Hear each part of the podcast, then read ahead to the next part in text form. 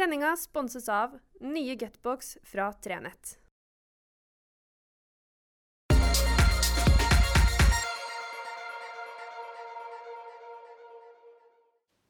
Riktig god fredag. Forrige fredag så sa jeg at det var en merkelig situasjon. Det er jo mer rett å si at den er absurd.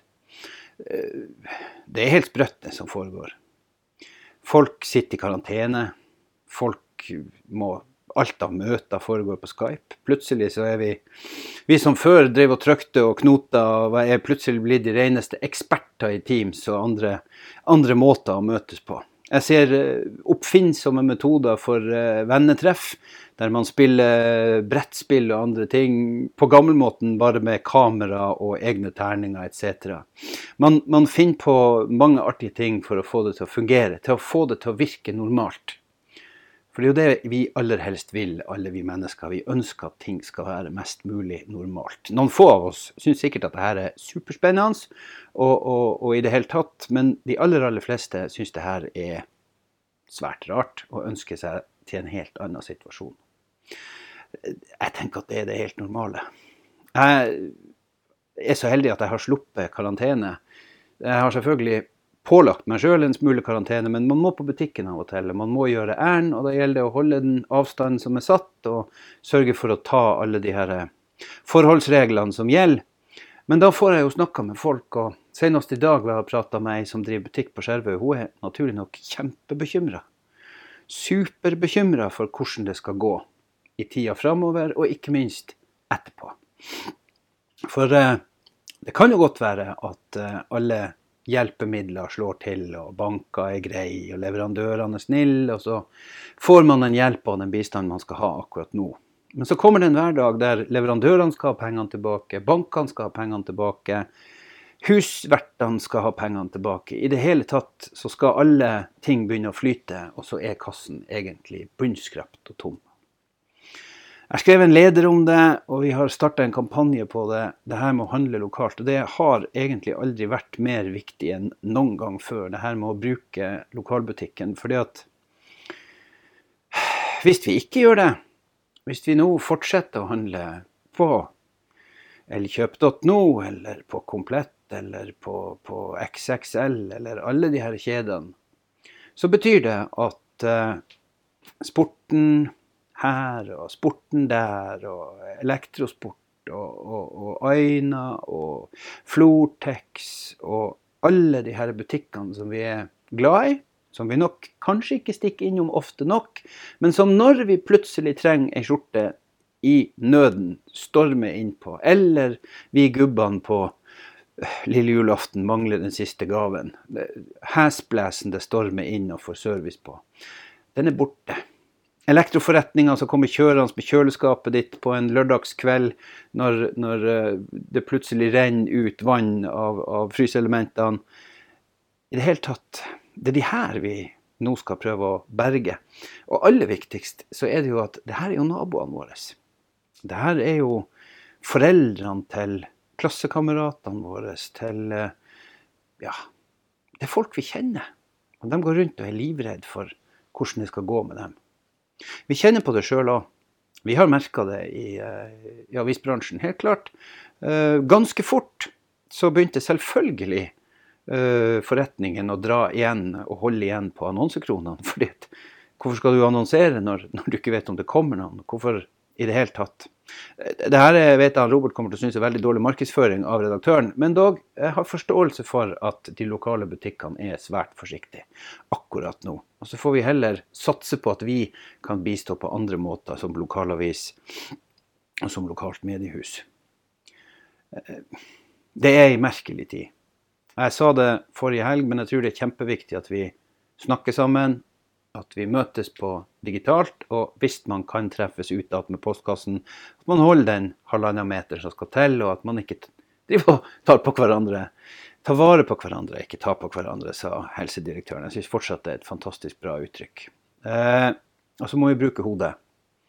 Eh, vi må ikke få, såpass, så, få så stor angst at det tar helt over.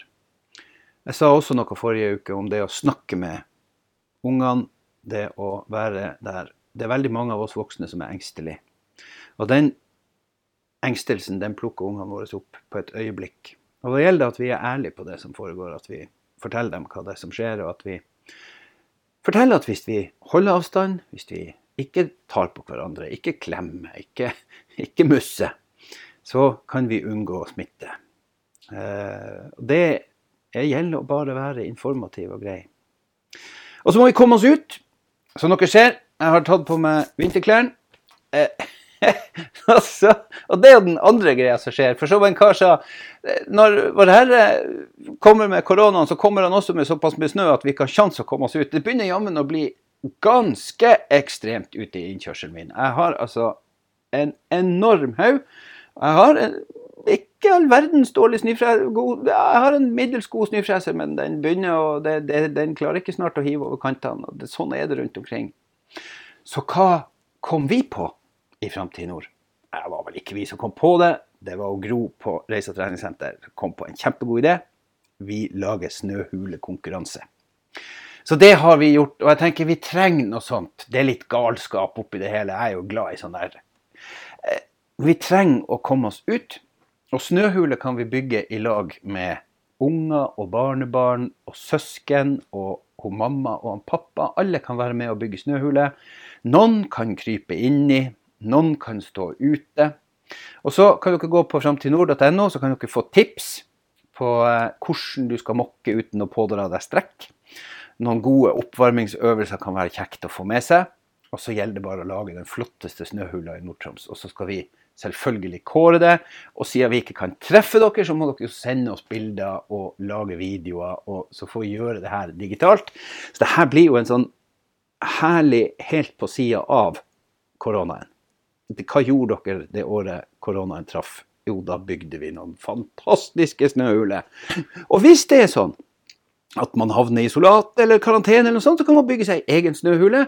Der er jo noen, så Det var en kar som rodde ut på ei øy ute i Oslofjorden og, og tilbrakte karantenesida til der. Det går jo an å lage seg ei flott snøhule, legge ut en liten uh, ledning, få et lite lys. Sånn, så kan man kanskje tilbringe deler av karantenetida ute i snøhula i hagen. Jeg vet at hvis jeg graver meg inn i den snøfonna som er på yttersida, så vil jeg komme inn til et sykkelstativ. Jeg tror Kanskje ikke jeg fikk det bort før snøen kom. Eh, inni der så er det prydbuske og et bed fullt av bark, og det er ei selje der. Og jammen tror jeg ikke det står ei sånn pyntetrillebår med noe et, I det hele tatt, den, den snøhula inni der kan bli utrolig fin. Og helt sikkert har dere noen sånn der. La oss gjøre det. La oss gjøre noe som er trivelig. Vi hadde fokus på det da vi laga avis i går. Den som kom ut i dag. Vi hadde fokus på at vi selvfølgelig skal drive så mye informasjon om korona som vi bare kan, men så må vi ha noe annet. Så Derfor har vi masse annet lesestoff i avisa. Vi har bl.a., og det, den må jeg få lov å skryte av, vi har seks sider som Isabel Haug, journalist hos oss, har skrevet et fantastisk intervju med, med han Øyvind og Liv Rundberg i Kåfjord. Om hvordan de møttes, og hva som har gjort at de har vært sammen i 55 år. Det er en nydelig historie vakkert pakka inn i nyflotte bilder av de to i røde anorakker til fjells på ski. Det, det, det, er så, det, er så, pent og det er så fint. Jeg håper dere leste alle sammen. Med det så ønsker jeg dere alle sammen en god helg. Ha nå en god helg, uansett om dere er i karantene. Og så håper jeg dere holder dere friske. Jeg håper for alt i verden at vi ikke smitter dem som er i risikosonen. For de aller, aller fleste er korona ikke farlig. Men det er noen mennesker som ikke må bli smitta av det, og det er det vi må sørge for nå, som samfunn. Sørge for at de menneskene får lov å være friske. Det er det vi gjør nå med det vi gjør. Vi sørger for to ting. At de menneskene som, er, som, er, som, som ikke tåler det her, at de slipper å bli smitta. Og så sørger vi for at det ikke blir en boost av mennesker som trenger legehjelp, sånn at vi kan få flata ut behovet for legene og helsetjenesten vår. En stor takk til alle som jobber i helsetjenesten. En stor takk til alle som jobber i skolevesenet. Til dem som brøyter veiene. Til alle dere som må stå på, og som nå står midt i det. Fra hele hjertet, tusen takk for det dere gjør, for den innsatsen det er. Vi skylder dere ganske mye. Og det tror jeg dere vet at vi følger på. Ha ei deilig helg, og så høres vi snart igjen. Og skal du kjøre noen plass, kjør pent.